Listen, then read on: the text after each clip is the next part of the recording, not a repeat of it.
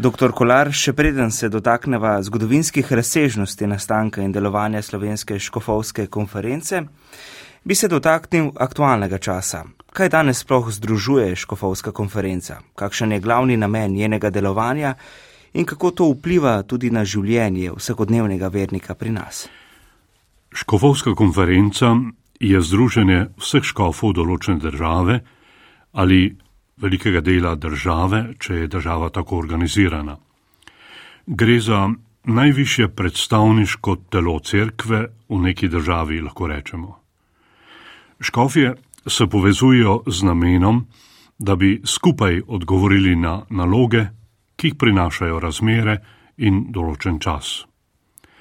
Res je, da je vsaki škofiji škof, ki je imenovan za njo, prvi in najvišji voditelj, vendar podobnost razmer, ki vladajo v določenem okolju, spodbuja, da škofje sodelujejo med seboj, se torej povezujejo, usklajujejo svoje delo in skupaj nastopajo tako v iskanju rešitev, kot v predstavljanju stališč cerkve. To je še zlasti pomembno, ko gre za zastopanje interesov cerkve v odnosu do drugih struktur, prvi vrsti države.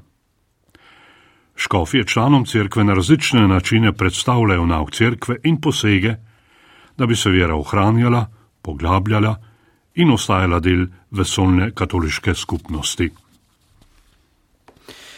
Zagotovo tudi delovanje konference pripomore k večjemu vplivu in trdnosti cerkve na slovenskem. Nedavno preminuli zaslužni papež Benedikt XVI je imel precej posluha za našo cerkveno občestvo. Kakšen pečat je pustil pri nas in kako je to pozneje vplivalo tudi na razvejenost slovenskih škofij? Čeprav je papež Benedikt vodil crkvo le osem let, je pustil pečat na številnih področjih in crkve v resnici zaznamoval. Tako lahko rečemo za njegovo delo na svetovni ravni, kot v crkvi na slovenskem. Poleg imenovanja svojega predstavnika v Slovenijo, je imenoval večje število škofov in ljubljanskega načkofa Franca Rodeta uvrstil zbor kardinalov.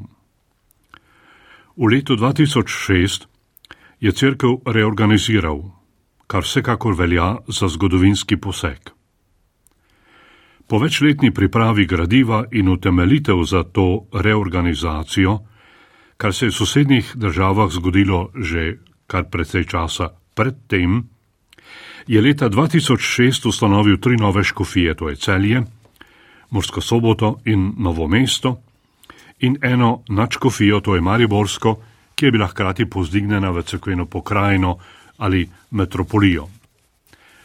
Manjše škofije so s tem dobile možnost, da so se na novo organizirale in osvobodile struktur, ki so bile sad zgodovinskega dogajanja škofje pa so se lahko še bolj približali skupnostim na krajevni ravni.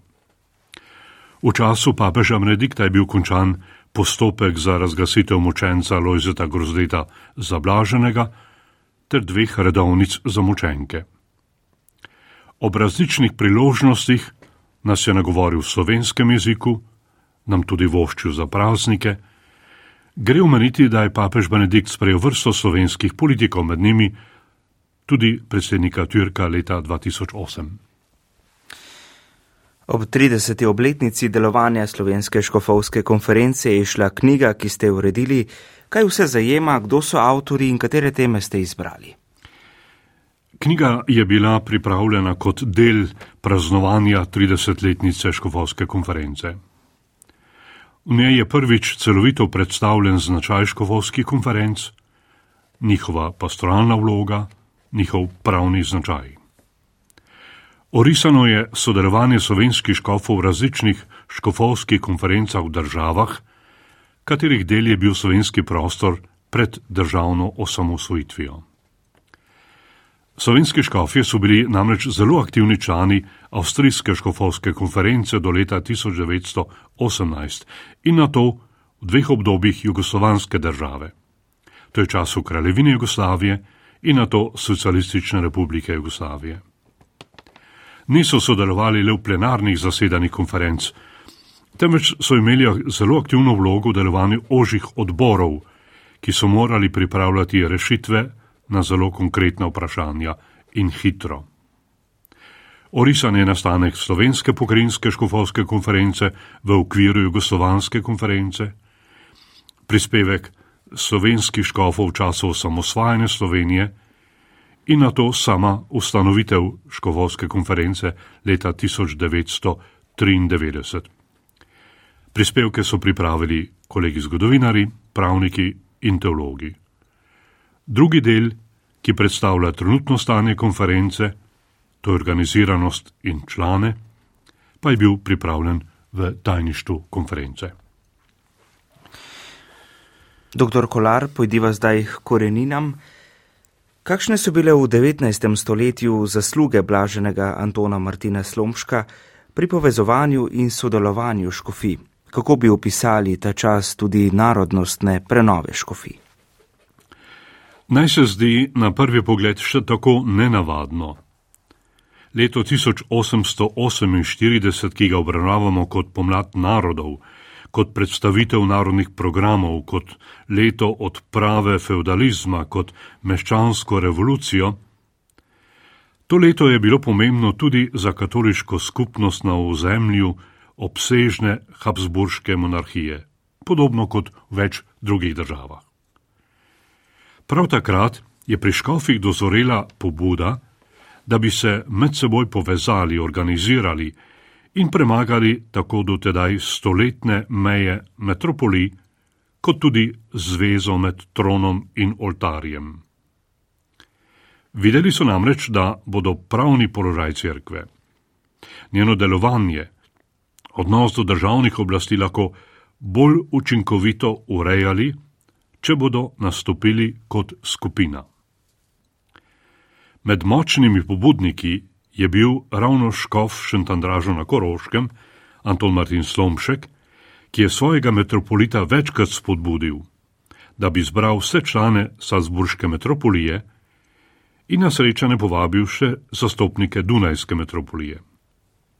Tako so se začeli v delo vključevati še člani drugih crkvenih pokrajin. In tako je leta 1849 začela bolj ali manj redno delovati konferenca škofov avstrijske monarhije, na kateri so obravnavali vprašanja pomembna za katoliško skupnost v celotni državi. V istem času so bila vsaj občasno pripravljena tudi srečanja na ravni metropoli, katerih se je udeleževal v Salzburgu tako škof Somšek kot v Gorici škof Wolf iz Ljubljane. In pri tem so lahko upoštevali bolj specifična vprašanja, ki so se nanašala na narodne skupnosti na ozemlju določene metropolije ali določene škofije, kjer so pač škofije takrat bili voditelji krajovnih crkva. Doktor Kolar, preseliva se zdaj zgodovinsko nekoliko bližje. Kako pa so slovenski škofje delovali po drugi svetovni vojni, v času Jugoslavije, ko je bil sedež Jugoslovanske škofovske konference v Zagrebu? Kdaj je bila ustanovljena slovenska pokrajinska škofovska konferenca? Že v letu 1945 je bila obnovljena Jugoslovanska škofovska konferenca, ki med vojno ni delovala saj je bila Jugoslavija razdeljena med različne okupacijske režime oziroma države. Kot predhodnem času je bil sedež konference v Zagrebu, tamkajšnji načkov pa je bil njen predsednik. To je bil prva leta načkov Alozije Stepinac. Po njegovi aretaciji in obsodbi je naloge predsednika opravljal beograjski načkov Josip Ujčič. Ljubljanski škofje oziroma načkofje so bili navadno podpredsedniki. Katoliška crkva in škofje so se poleti 1945. znašli v posem drugačnih razmerah. Sprva niso niti vedeli, v kakšni smeri se bo država sploh razvijala. Do leta 1952 je bil, bil v Beogradu še predstavnik papeža Pija XII., po tistem času pa so bili škofje popolnoma prepuščeni sami sebi in samovoli oblasti. Če je bilo v kraljevini Jugoslaviji, na primer, pomembno vprašanje sklenitve sporazuma med državo in svetim sedežem, s katerim bi uredili pravni položaj katoliške skupnosti, potem je bilo v Novi Jugoslaviji temeljno vprašanje preživetje in blaženje represivnih ukrepov proti cerkvi kot ustanovi in proti posameznikom kot njenim članom ker so imeli slovenski škofje vrsto tem, ki so bile značilne le za slovensko katoliško skupnost in za slovenski prostor, so se začeli srečevati na lastna srečanja.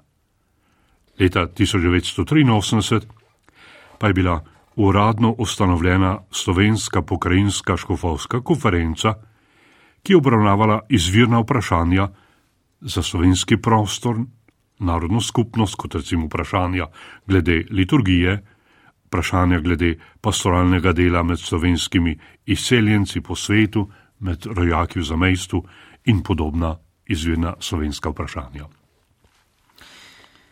In še neposredno v čas, ko je že dišalo po slovenski pomladi, kako razumeti postopen razvoj slovenske države in hkrati dokončnega oblikovanja slovenske škofovske konference, ki je nastala prav na današnji dan, 19. februarja 1993. V času velikih dogodkov za slovensko zgodovino, to je v gibanju za slovensko samostojnost, so bili v Sloveniji trije škofje, ki so delovali v okviru Ljubljanske metropolije. Njihov voditelj je bil ljubljanski načkov metropolita Lozi Šuštar, ki je imel izredno dobre mednarodne povezave in številna znanstva, ne le na crkvenem področju, temveč tudi na političnem, na kulturnem in na marsikaterem drugem. On se je že prej zanimal in zauzemal za samostojno slovensko škofovsko konferenco, vendar to ni bilo mogoče, ker je bila za eno državo mogoča samo ena škofovska konferenca kot najvišja oblika organiziranosti katoliške cerkve. Uspelo pa mu je, da je bila ustanovljena pokrajinska konferenca škofov, ki je imela določene pristojnosti. Velik prispevek za osveščanje javnosti o pomenu samostojne države in varovanju človekovih pravic je dala Komisija Pravičnost in mir, ki so jo ustanovili slovenski škofje. Takoj, ko je bila samostojna Slovenija priznana v mednarodnem prostoru in je znova navezal diplomatske odnose tudi sveti sedež, pa so slovenski škofje pripravili dokumente za ustanovitev samostojne konference in sveti sedež je potrdil prav na današnji dan pred 30 leti, kot ste omenili v vprašanju. Pri tem je bila pomembna izkušnja načkofa Šuštarja, ki je bil predtem dolga leta generalni tajnik sveta Evropskih škofovskih konferenc, je dobro poznal njihovo delovanje in pomen škofovske konference v določeni državi. Za konec pa, dr. Kolar, bi vas prosil, da še na kratko vrednotite sam pomen slovenske škofovske konference. Slovenska škofovska konferenca, če še enkrat ponovim, je zbor slovenskih škofov, to je najvišje predstavniško telo katoliške cerkve v Sloveniji. Sama konferenca je najvišji izraz organiziranosti katoliške skupnosti v okviru določene države. To pomeni, da smo tudi v tej luči popolnoma enakopravni drugim državam in njihovim crkvam. Člani konference so škofje, ki imajo aktivno vlogo v življenju naše krevne cerkve, to je voditelji škofi in dva pomožna škofa. Niso pa člani škofje, ki so že upokojeni, kar je na svoj način osiromašanje njenega delovanja. V drugih konferencah, kakor pač imajo opredeljeno v statutih, so lahko člani tudi upokojeni škofje, ki še imajo kakšno odgovornost oziroma pristojnost na področju delovanja cerkve. Konferenca tako usklajuje in spodbuja ravnanje cerkve na slovenskem, se sooča z izzivi, ki jih prinaša čas, povezuje crkvo z drugimi crkvami in jo na vse zadnje vključuje v vesolno katoliško skupnost. Doktor Kolar, hvala za gostovanje v studiu. Vam, drage poslušalke in cenjeni poslušalci, pa lep preostanek dneva.